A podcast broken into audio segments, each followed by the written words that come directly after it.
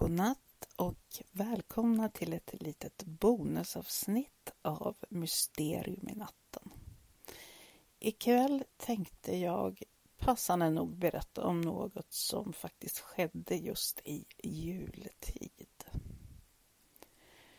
Klockan 01.25 julen 1964 vaknade invånaren Mildred Head med ett ryck. Hennes tak, berättade hon senare för den lokala journalisten Arthur Sherwood, hade vaknat till liv med konstiga ljud som liksom surrade mot taket. Det lät som kvistar som slog mot plattorna och ljudet blev högre och högre och starkare tills det ekade som om det skulle ha fallit jättehagel på taket. Hed reste sig ur sängen för att titta ut genom fönstret, men hon såg inget. Hon hörde dock ett annat ljud, ett brummande ljud. Som också det blev högre och högre innan det försvann och blev till en svag viskning. Det var bara början på vad som skulle bli ett decennier långt mysterium och en rad ufo-observationer som blev kända runt om i världen som The Warminster Thing. Några timmar senare väcktes soldaterna vid den närliggande militärbasen Nook Camp av vad som lät som en enorm skorsten hade ramlat från huvudkvarterets tak eller hade liksom blivit sliten från taket och sen omkring kastade och utspridda över hela lägret. Klockan 06.30 blev Roger Rump och hans fru rent fysiskt skakade av ett liknande ljud. De beskrev det som att det lät som att 5000 tegelpannor på vårt tak slitits av och sen satts på igen med en enorm smäll. Vid ungefär samma tidpunkt gick Marjorie by till kyrkan när hon helt plötsligt kastades till marken av kraften från, som hon beskrev det som, galna ljudvågor. Totalt rapporterade mer än 30 personer att de hörde mystiska ljud den julmorgonen och det skulle komma ännu mer.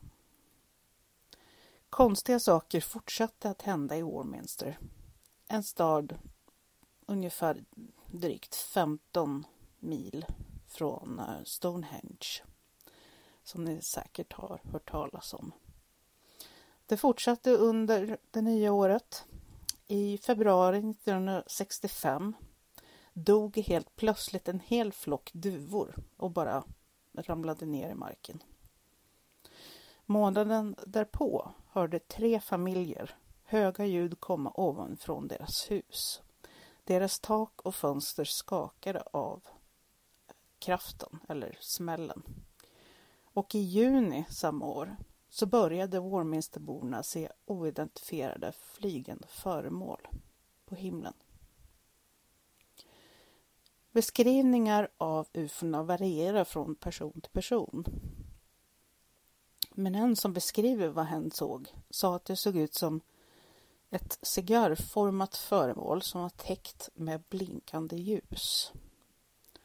Och ett annat föremål beskrivs som två biljardköer hängande vertikalt, den ena ovanpå den andra, med ett svart litet utrymme emellan dem.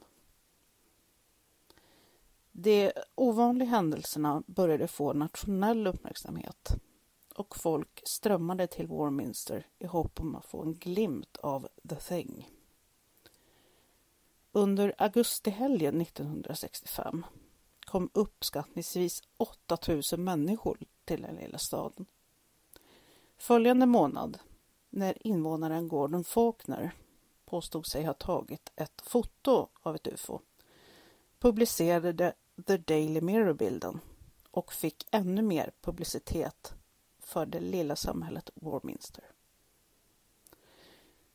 Då, vid den tiden, så hade nyheterna till och med tagit sig över Atlanten och nått USA. Med tidningar och media så långt bort som till Kalifornien rapporterade om de kusliga händelserna i den sömniga lilla staden.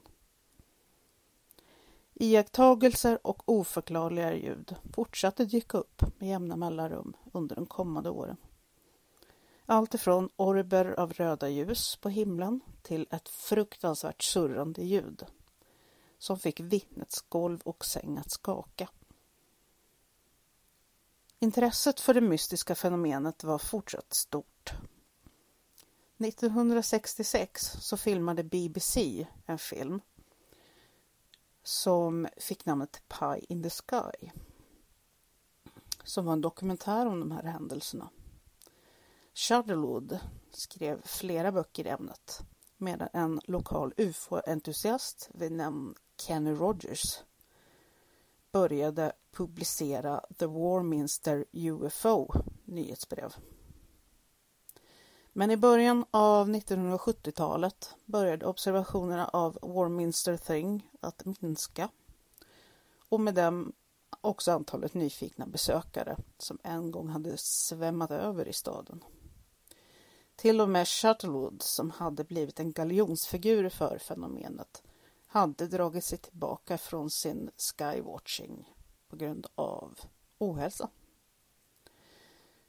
Med ganska få iakttagelser och inga nya böcker som kom och ingen att vägleda alla blivande ufo-entusiaster så försvann snart intresset för The Warminster Thing. Idag betraktas staden fortfarande av vissa som Storbritanniens ufo-huvudstad med rapporterade ufo-observationer så sent som 2017. Och även om det har gått nästan 60 år sedan de här märkliga händelserna började så finns det fortfarande ingen teori alls som förklarar ursprunget av Warminster Thing. Det är ganska kallt just nu och många klara nätter väntar. Så ni kanske skulle ge himlen där uppe ett extra ögonkast när ni är på väg hem. Vem vet, du kanske också får se The Thing. Vi hörs snart igen, kära lyssnare. Ha en riktigt, riktigt god jul och ta hand om varandra. Sov så gott. Puss puss.